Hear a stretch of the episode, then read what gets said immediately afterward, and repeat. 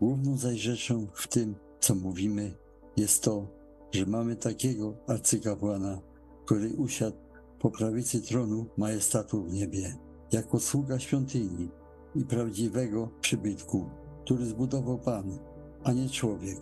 Teraz zaś objął o tyle znakomitszą służbę, o ile lepszego przymierza jest pośrednikiem, którego ustanowione zostało w oparciu o lepsze obietnice.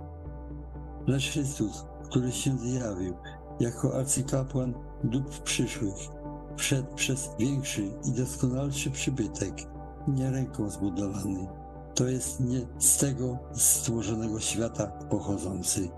Wszedł raz na zawsze do świątyni, nie z krwią kozłów i cielców, ale z własną krwią swoją, dokonawszy wiecznego odkupienia.